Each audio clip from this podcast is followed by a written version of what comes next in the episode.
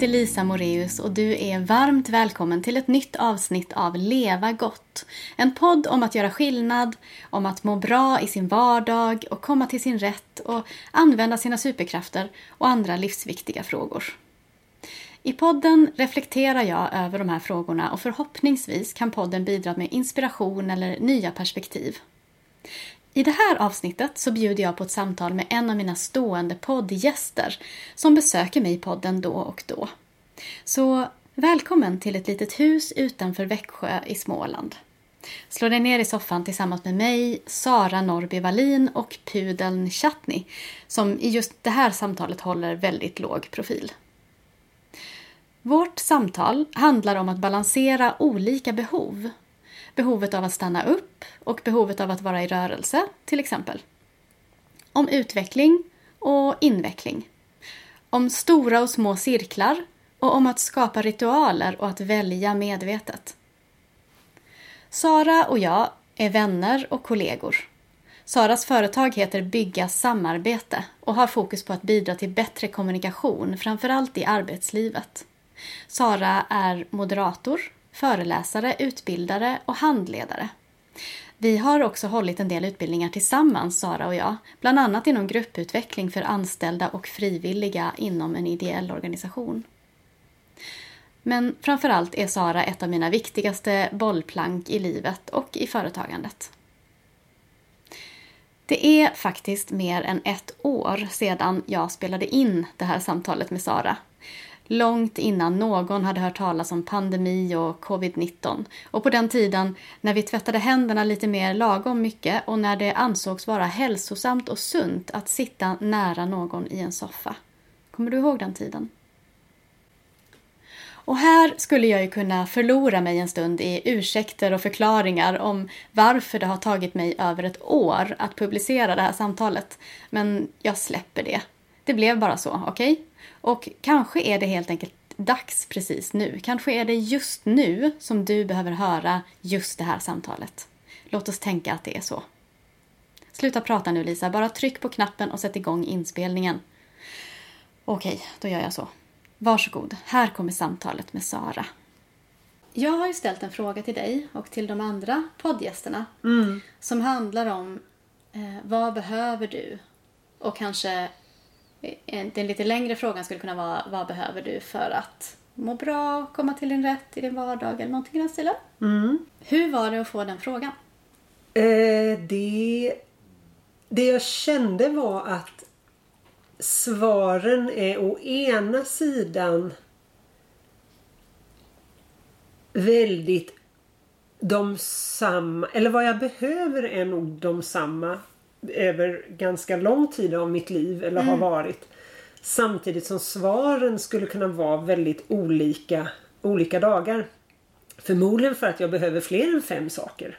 Det kanske är så enkelt helt enkelt. Men det är väl ofta sådär att det är någon vad ska jag säga, någon dimension i livet som, som eh, jag brott kanske brottas eller njuter extra mycket av. Mm. Och att det gör att det, det, det är olika vad, vad jag får syn på. Olika gånger jag får frågan. Mm. Så det var nog det att jag tänkte att herregud. Eftersom jag trivs bra med mitt liv så nästan allt jag ser omkring mig är sånt som jag tycker att jag behöver för att må bra. Mm. Eh, och som tillför något i det. Mm, just det. Och samtidigt så är det klart att det, det är väldigt mycket som man skulle kunna skala bort utan att tänka på det. Och sen att det beror rätt mycket på någon slags tema för tiden ja. jag är i just nu. Vad jag, mm. vad jag får syn på när jag funderar på det. Precis, för jag tänker att man kan... Eh, det kan ju vara precis så som du beskriver att du, att du känner att du har det rätt bra just nu. Mm. Och att då liksom reflektionen på något sätt blir vad är det som gör vad är det just som det. gör det? Liksom? Mm. Eh, och i andra perioder kan det också vara så att man inte har det särskilt bra. Mm. Eh, och då kan reflektionen bli, vad är det som, vad är det som saknas? Vad är det som... Så jag tänker att det kan väcka många olika saker. Ja. Och så är det som du säger, fem är en väldigt kort lista. och på intet sätt uttömmande. Mm. Ja. Men ändå, vad, vad står på din lista Sara? Ja, de hänger ihop eh, en del. Om man tänker det först, det tre saker som hänger ihop ganska nära. Eh, och då tänker jag på om man tänker sig en, en droppe som fortfarande är en droppe precis innan den landar i vattnet. Det är, det är jag när jag är i min egen bubbla. Mm. Och det har jag ett behov av som faktiskt har kommit tillbaka lite de senaste kanske åren, året någonting. Från att ha varit väldigt mycket så när, när jag hade små barn som liksom krävde och drog i en hela tiden. Då kände jag verkligen att jag behöver space, låt mig vara i fred. Sen har jag inte känt så på länge. Nu har jag haft lite en sån period och det tror jag är lite för att jag har gått ganska mycket upp i mitt eh, företagande. Um, jag har alltid velat ha en del distans till mitt jobb. Nu har jag gått upp i det ännu mer. Så det har blivit som en sån där bebis som hänger om fötterna. Men jag vill inte ha några företagaridéer nu. Nu vill jag sitta här i soffan och mysa med min familj. Ah, Skas! Så. så den där egna bubblan ja. är, är viktig. Jag har rest några gånger själv nu och haft det fantastiskt. Åkt tåg i två dygn och sånt. Och mm. tyckte det varit underbart. Um, Ja, så det, men sen ramlar den här bubblan ner i vattnet då, den här droppen ner i vattnet. Och då den närmaste ringen är ju då de närmaste människorna. Mm. Och det är ju snudd på lite två ringar kan man säga då. Det är en privat, superprivat ring med familjen. Eh, sen är det också en mer professionell ring som ju delvis går ihop i och för sig. Men ändå liksom, jag har familjen och och sen är det mycket du och eh, Maria Estling Wannestål som ju ofta är med i olika samtal här och som du också kommer att prata med. Eh, som ingår i det. Men det är liksom de här tajtaste ringarna. Precis och bara för, för poddlyssnarna som mm. inte ser oss så kan mm. jag också säga att du illustrerar det med händerna inte som ringar i varandra. Nej de två är Utan som lite bredvid lite varandra bredvid fast varandra. de liksom går ihop ja, lite grann i mitten. Ja precis. Eh, eh men sen är det just sen är det, det att det är ganska många ringar utanför och det är liksom det tredje. Så att det är dels först är det droppen som är min egna bubbla. Sen mm. är det den närmaste ringen som är lite två. Så metaforen funkar inte fullt ut. Skit i det. Eh, skit i det. Och sen är det det här att det finns ringar hela vägen ganska långt ut. För jag gillar också att vara i de här Alltså jag gillar ju att mingla och träffa människor som jag vet att jag aldrig kommer att träffa igen och prata med dem och, och att jag nog lite behöver jobba med hur de sammanhangen ska ge mer energi än de tar. För mm. de tar lätt mycket energi. Just det. Eh, men de, jag behöver dem verkligen. Mm. Um, ja, så det blir kanske tre-ish saker. Mm. Egna bubblan, närmaste ringarna mm. och, och också känslan av att det inte bara är de närmaste ringarna. Ja, behöver kunna få influenser från andra människor och så. Den här energin som du får men också, eller så här, är det samma energidepå som du hämtar ur och fyller på i de där stora sammanhangen eller är det olika? Hmm, det var en bra fråga. Du menar inte samma som i de mindre bubblorna utan samma Ja, för du sa liksom det tar energi men det ger också energi. Jag funderar på om det liksom då slutar med noll. Ja, Eller om det är Men jag tror så helt här olika att det kan som... ge mig, det ger mig, man säger, använder ibland ordet tankeföda. Mm. Att det ger mig viktig input kanske snarare än att det ger energi. Så ja. skulle man nog kunna säga. Ja. Att det ibland i alla fall eh, kräver lite energi. Mm. Men det ger också mycket. Jag gillar det där bara, bara utväxla några leenden. Mm. Eh, bara det, alltså det kan fylla på mig väldigt mycket. Eh, men sen också att jag får sånt där som kommer helt passningar som jag inte alls visste att någon kunde passa för det är människor som jag inte träffar så ofta. Ja, just det. Så jag får liksom det där, och hoppsan, så kan man tänka också. Ja. Och det, så det är både energi och kanske sånt lite knöl ibland att man ja, får något att brottas med. Mm. Ja, mm. så den egna bubblan och så mm. de här, eh, den närmsta ringen eller ja. ringarna mm.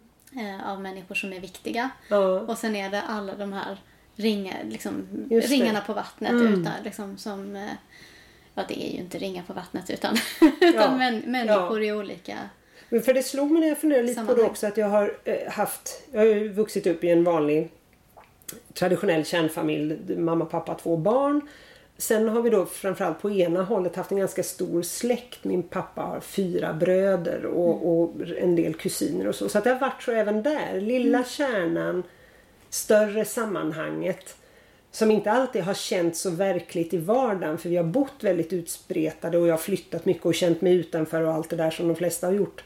Men det har ändå funnits det där större sammanhanget.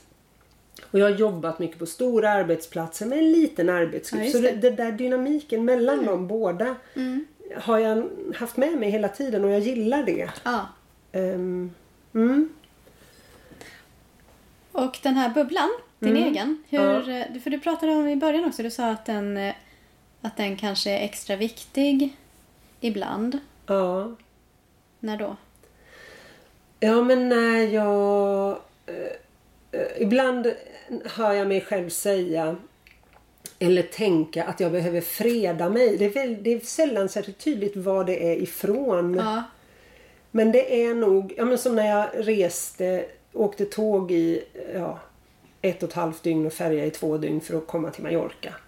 Då var jag i min egen bubbla. Det var ju massor med människor runt omkring som jag kunde ta kontakt med och så. Men, och sen kunde jag därifrån skicka ut små... Jag var jätteaktiv på Facebook då. Jag vet inte när jag senast var det. Men det var jättekul för att jag skickade ut när jag ville. Ja. Ehm, ja, nu har jag glömt din fråga. Men eh, den När är bubblan extra viktig? när är bubblan? Ja men det är när jag känner mig... Eh, eh, det är nog när jag känner att jag ger mycket helt enkelt. På ett eller annat sätt. Förstås. Och då är det väldigt häftigt att känna att jag kan... Att jag kan själv... Ja, just det. Att jag kan liksom är ett kraftverk i mig själv. Ja. Om jag bara får vara i fred och inte ge så mycket Just till det. andra. Så, så, fyller byggs jag på upp, mig liksom. själv. Jag behö, Då behöver jag... De, vissa stunder behöver jag inte alls bubblorna utanför ringarna eller så. Utan jag, Mm. jag gillar att umgås med mig själv och det är jag otroligt glad för. Ja. För det blir så tråkigt annars. Ja, det är en väldig gåva att tycka om att umgås med Ja. sig själv. Helt klart. Så det, det känner jag verkligen en kraft att kunna söka mig inåt när jag inte vet eller när jag då liksom kan jag backa hem liksom. Och där, här bor jag Ja. liksom. Och jag vet, jag satt i någon övning med någon annan person så fick vi liksom försöka berätta och då, hur, hur, hur vi hade och då sa jag, du ska bara veta det. Det, det är bra att vara här inne. Ja. Så, och Ja. det, ja, det är häftigt. Jag har tänkt mycket på det på sista tiden också. För jag har ju också den här eh, behovet av bubblan definitivt. Eh, och att det är liksom dels lite årstidsbundet. Och det kan vara dels liksom årstider, alltså det verkliga året som vi alla lever i. Men också alltså till exempel ja, men de e- kroppens egna cykler till exempel. Och en massa sådana årstidsgrejer. Som liksom, Ja. Alltså att det helt enkelt finns eh, tid. Det finns en tid för, för mig är det så att det finns en tid för att vara där ute. Ja, ehm, och vara social och det finns en tid för att inte vara det. Liksom. Och att det, att det är, lite, ja, men det är lite, lite olika cykler i det tror jag. Eh, men också att, eh, eh, att när jag har varit på gränsen av min komfortzon eller till och med utanför min komfortzon, att då blir behovet av, alltså att det är mycket återhämtning i den där bubblan som du beskriver. Att, liksom, att det, eh, det tar mycket energi att det tar mycket energi att ge mycket och särskilt kanske om, om jag gör det på ett sätt som kräver att jag är lite modig. Ja, och när man kanske inte är säker på att, att få tillbaka något och i alla fall inte just då. Mm. Eller att de här personerna som jag ger till de kanske ger det till någon helt annan någon annan gång. Det är inte jag som får se, Nej. få kvitto för det här. Det. Och sen tänker jag att det är olika. Det var därför jag undrar över det där med energidepåerna eller så. Mm. Att, för jag kan verkligen känna så om jag föreläser till exempel. Att jag får massa energi av det. Mm. Men det är en annan energidepå som sjunker på något sätt. Mm. Men det är lite skillnad också när man föreläser för då har man ett helt annat eh, ansvar och ledarskap. För det jag, det jag ser framför mig just nu när jag tänker på de här vidare ringarna är mera nätverk och så där jag är en, där jag är en av dem på Ja, föreläsningen just som pratar med någon i pausen liksom, och också får din input om jag nu är på din föreläsning. Ja, det. Så det är nog mer de eh, sammanhangen jag tänker på. Och så tänker jag också just i den när jag modererar konferenser. Det tycker jag är väldigt härligt för att då kan jag ofta Då är jag inte den som Jo, jag är den som bär på vissa sätt. Men jag är också där för att representera de som sitter i publiken. Och det ger en stor frihet. Jag kan växla mellan. Ja. Jag kan vara den som säger hej och välkomna och då är jag arrangören. Och sen kanske jag hjälper den som föreläser att på något sätt förtydliga något och då är jag nästan lite representant för den. Och sen är jag den som ställer publikens eh, tänkta eller verkliga frågor. Då är jag representant för den. Och det tar väldigt lite energi har jag märkt. Ehm, av någon anledning. Ja. Ibland beskriver du det där, för du har, gör ju, du gör ju sådana stora moderatoruppdrag. Ja, ibland, Eller Ibland. så är det 20 personer som är en veckan. Men eh, Precis. ja, och det då, kan vara stora. Då, ibland beskriver du skillnaden. Så beskriv, jag har hört dig säga att, du, att när du är moderator så ger du ganska lite till väldigt många. Ja, Medan när du är i den här gruppen med 20 då, eller, Ja. eller 5, mm, att du ger väldigt liksom, mycket men till färre. ja. Och då, då tänker jag, för jag, när du säger det, då har jag alltid tänkt, hmm, jag tycker att du ger väldigt mycket på de där moderatoruppdragen också. Men, Jo. och då tänker jag att det kanske handlar om energi. ja, det gör det kanske. Och det, det är frågan om ge är rätt ord. Mm.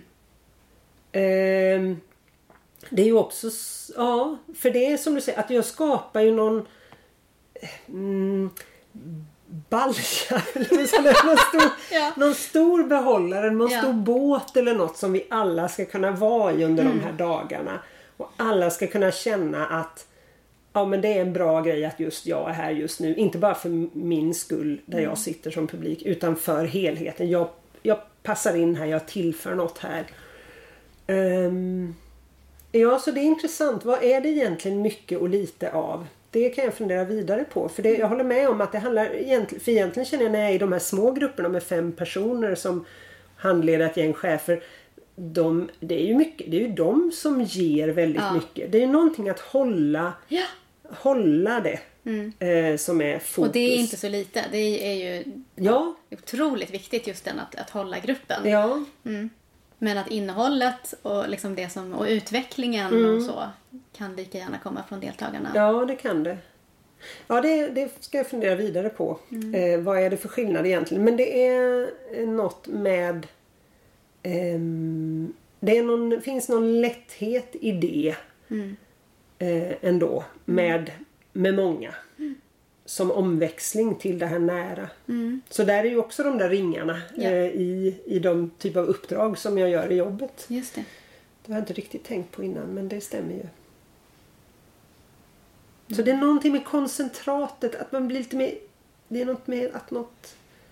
Någon slags utspädd... Ja, jag vet inte. Någonting späds ut. Ja. Vad det är är oklart. Mm. För att det blir, det, jag tror värdet för deltagarna kan bli lika stort. Ja, jag tror det. Det är lite olika.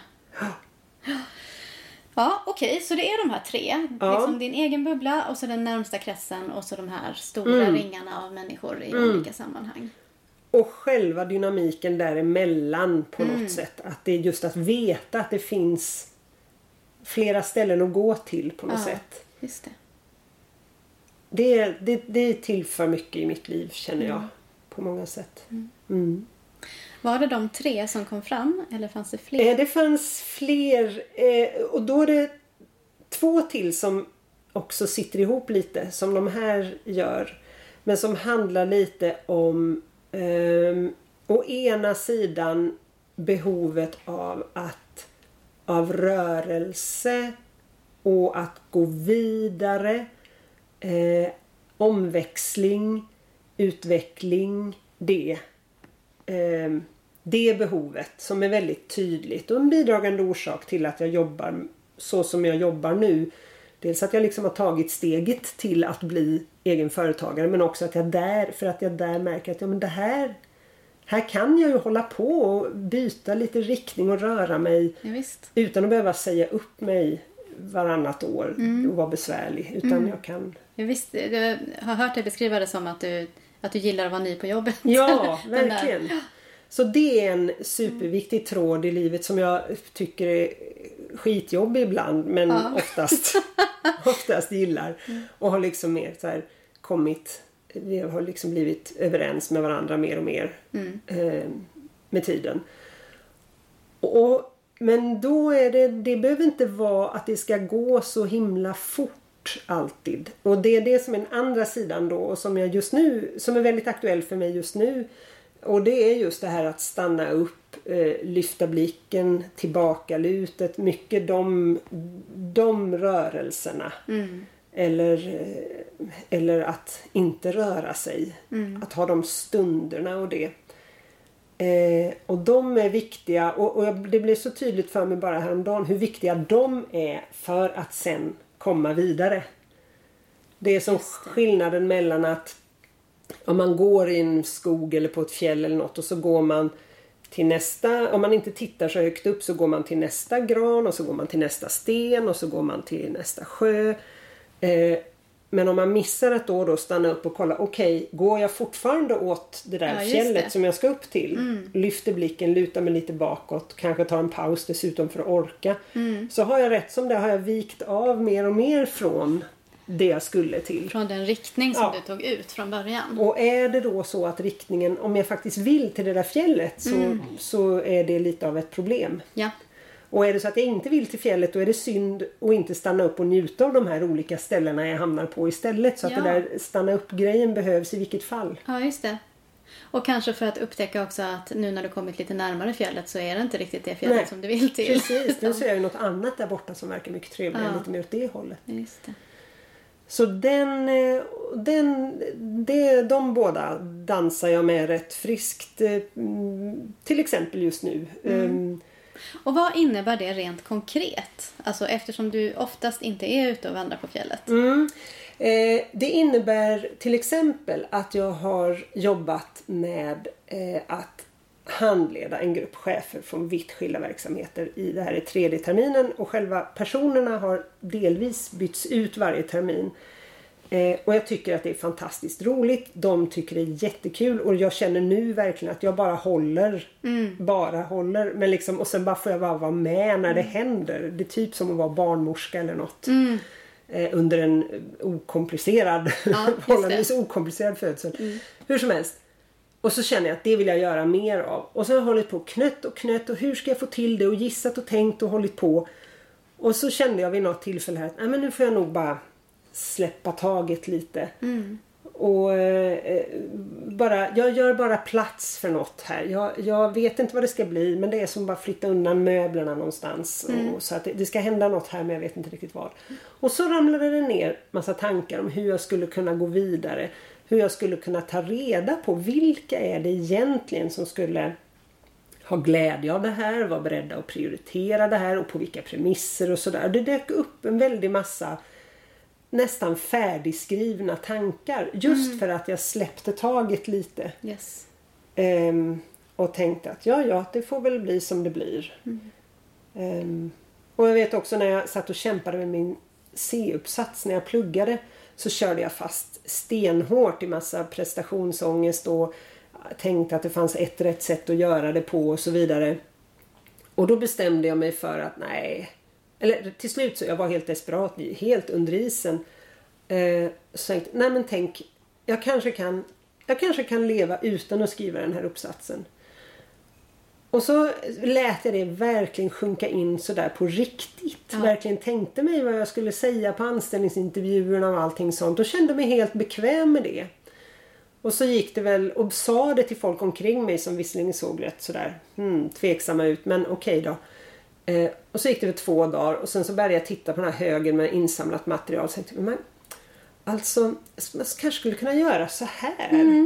Och så kunde jag närma mig det för då hade jag klivit, jag hade skapat den där distansen och klivit åt sidan Ja. och kunde närma mig det igen och så struntade jag i precis allt som alla handledare och så hade sagt till mig. Eh, och så gjorde jag på mitt sätt. Eh, och säkert var influerad av det förstås, all klokskap jag hade fått från dem. Men ändå, det, jag gjorde det till mitt och då kunde jag göra färdigt den där uppsatsen. ja. Så det är också ett konkret exempel.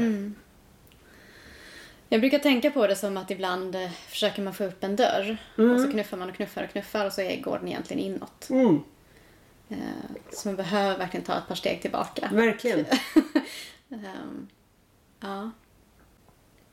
Och att det ibland känns det som att framåt är framåt. Mm. Men ibland är det inte det. Ibland är stå still det som det. behövs för att ta nästa steg. Jag skrev om det någonstans här nu som jag är inne i de tankarna. Och det, det lär finnas en bok någonstans som heter, alltså det finns ju det här uttrycket när ni, det händer något, vet du, en katastrof i en amerikansk film sådär. Och så säger den ena, ofta kvinnan till mannen får jag för mig. Don't just stand there, do something. Och då finns det en bok som är där de, som titeln är Don't just do something, stand there. Och det är ju Det är, fanta- det är briljant. det är briljant. För Verkligen också när man berättar för någonting om någon så är det ju ofta det man vill. Gör inte en massa saker. Tänk inte ut vad jag ska göra heller. Bara var där. Stå still. Stå still så jag vet att du är här och att du lyssnar. Och... Ja. Och kanske till sig själv behöver man säga det också. Ja. Sluta göra så Ja. himla mycket. Stå still och tänk. Eller stå still och låt bli att tänka. Ja, till och med det. Det tror jag. Så kanske tanken trillar ner sen. För det är mycket att det blir utrymme i huvudet. Det känner Ja. jag så tydligt med det här med tankarna kring de här handledningsgrejerna. Att Mm. jag bara släppte det. Jag var ute och paddlade på en sjö. Mm. Och så liksom bara, det var verkligen så. Det bara landar saker i huvudet. Det är så häftigt. Mm. Och så testade jag de tankarna på min man som var med och han sa ja men det är klart att det är mycket bättre än det du har nu. Ja, just det. Jag kände mig lite, visste du det hela tiden? Ja, Då kunde du klämt ur Kunde du ha det. sagt det? Mm. Är det där ny information från, för dig, säger min, min man precis. ibland när jag har olika tankar. Just Ja, det kanske det är. Precis. Ja, okej. Bra. Finns det fler saker? Eh, jag kom på en som är mycket, väldigt konkret apropå det. Så hitta på olika ritualer och en ritual jag tänker på som jag verkligen mår bra av just nu. Det är en eh, fredagsritual som jag inte riktigt vet om, om det här läsåret kommer att innebära. För det var förra läsåret när min dotter gick i tvåan i gymnasiet och slutade tidigt på fredagar och sen började jobba igen ett par timmar senare. Så då brukade vi ses och fri, fika på fredags eftermiddagen. Mm. Mm. Kanske börja li- lite jobb och så bort med det och så bara fika och så. Det är väldigt skönt och väldigt så bra markering för nu slutar veckan, nu börjar helgen. och- Ja. Så den... Ja, Så ritualer i allmänhet och fredagsfika som ritual i synnerhet? Ja, eller? så tror jag. Och jag är nog inte jättebra på ritualer i allmänhet. Men jag märkte att den var väldigt bra. Så att jag, mer, fler ritualer tror jag kanske det kan bli framöver. Vad var det den gav dig förutom en fantastisk fika med dottern?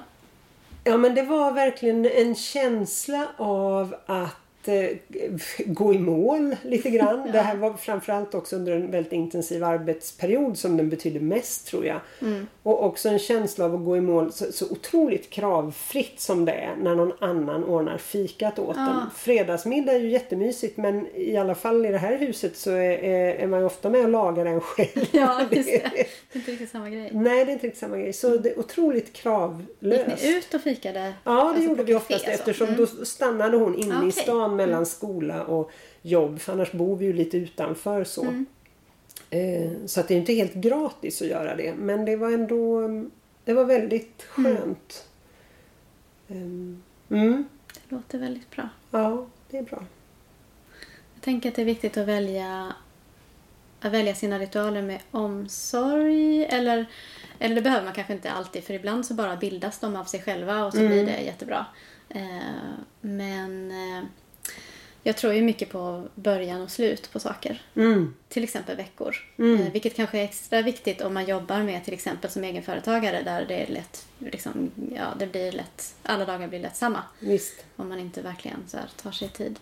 Eh, och det finns, liksom, det finns en risk med att man skapar destruktiva ritualer. För att de är så viktiga. Mm. Eh, ja.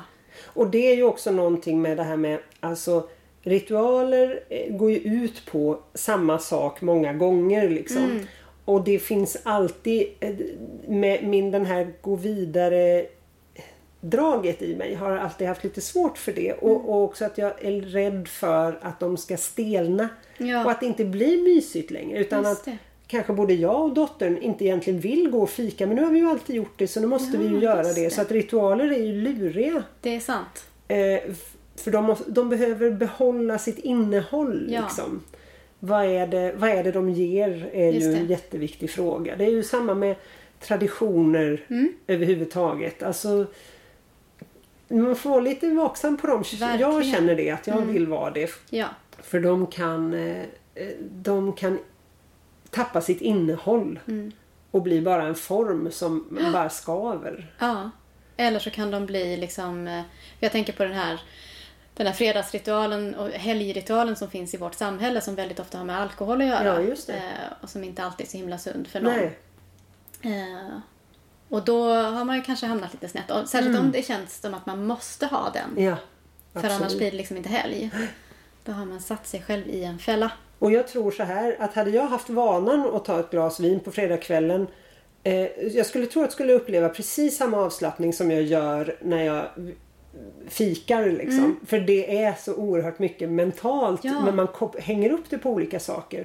Skulle ju vara ännu nyttigare kanske att hänga upp det på en skogspromenad. Men, eh, men det är Nu någonting... ska vi inte gå till överdrift. Nej, lite så. Och lite sådär, lite härlig så lättja och lite Ja. synd och så ska det också vara. Och, och det behöver inte alls vara fel med ett glas vin. Men jag tror ändå att det ibland är det just själva att göra något Mm. för sin egen skull som är grejen. Inte så viktigt exakt Nej. vad man gör. Nej, och det där är jätteviktigt det du sa nu att det inte är något fel med ett glas vin. Alltså vi dömer ingen här. Nej, Det handlar bara om att, liksom, att ritualer kan vara en bra grej om de ger någonting Mm. och inte har stelnat och tappat sitt eh, innehåll. Och om de är liksom bra för mig. ja, verkligen. Det får man ju känna efter själv. Ja. Nej men så det var väl de saker som jag skulle redan börjat komma på några Ja, till. Men jag såklart. tror kanske vi får ta dem en annan gång. Vad fint! Vad fint! Och tusen tack för att du delade med dig av detta Sara. Mm. Vad... eh, Mm, vad ska vi säga som avslutning på det här samtalet tycker du? Eh, Jag tycker vi kan säga att det är väldigt bra att ha kompisar eller andra som ställer de här frågorna till en. För det känner jag att det blir ju ännu tydligare för mig. Några av dem som är högst på agendan just nu. Eh, Så att det är, det är en bra fråga att ställa. Bland många andra sådana där frågor eh, som är, också utgår från vad är det som funkar, vad till för något i ditt liv. Just det. Så det... Ja, det tycker jag. Det är ett medskick till dig som lyssnar. Och eh, om du inte har personer i din omgivning som ställer de frågorna så kan man ju be om dem, tänker jag också. Eh, Hej, kan du ställa den här frågan till mig så jag kan få svara? Absolut. Nej, men det är inte så dumt att kunna ha de samtalen. Nej, och där är ju också att skriva är ju också ett sätt Ja. om man inte har någon alls i sin närhet just när det här tanken dyker upp. Men att det finns Precis. Att synliggöra det och få ut det utanför huvudet är Mm. ju jätte... ger en helt annan kraft i det. Och jag tror att till exempel det här med de här olika ringarna eh, människor längre bort, de närmaste och min egen bubbla. Eh, att jag tror att jag kan, att det finns något för mig att hämta i att bli ännu mer medveten om när jag kliver mellan de här och åt Mm. vilket håll jag vänder mig i olika sammanhang. Är det utåt jag ska nu eller är det inåt? Just eller det. är det i den här lilla nära bubblan jag ska vara? Ja. Eh, det blev tydligare för mig nu när vi pratade om det. Så bra. Mm. Tusen tack Sara. Tack så mycket Lisa.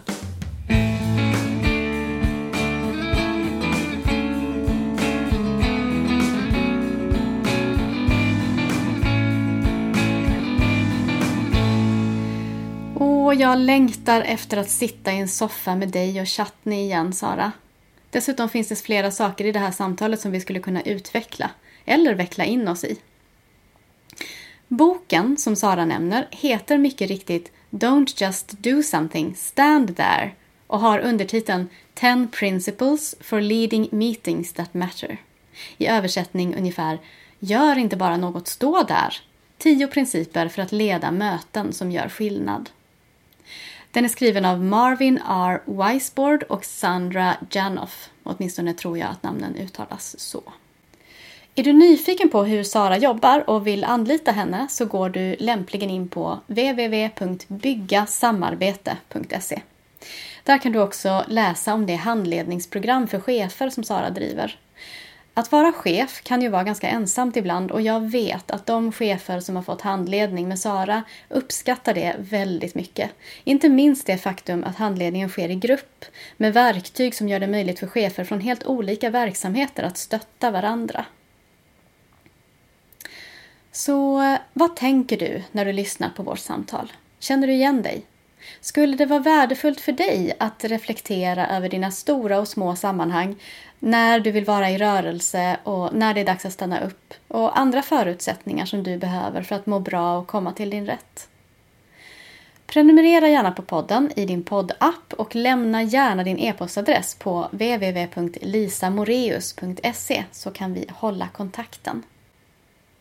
När det gäller just reflektionen över vad som är viktigt och vad just du behöver så vill jag nämna två digitala kurser som jag erbjuder.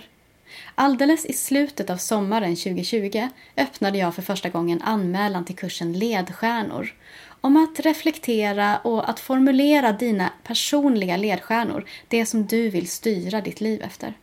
Det var fantastiskt att få ägna några veckor åt att guida deltagarna i det. Ledstjärnor öppnar för anmälan igen, men det kan dröja lite framåt våren eller så. På andra sidan nyår öppnar anmälan till en kurs som jag erbjuder tillsammans med Therese Hagstedt, som du också har träffat här i podden.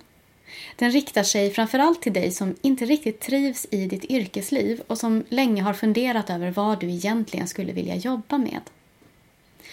Så blir du nyfiken på något av detta, då går du till www.lisamoreus.se och så prenumererar du på mina mejl så håller jag dig uppdaterad. Okej, det var allt för nu. Ta hand om dig och vi hörs snart igen. Hej då!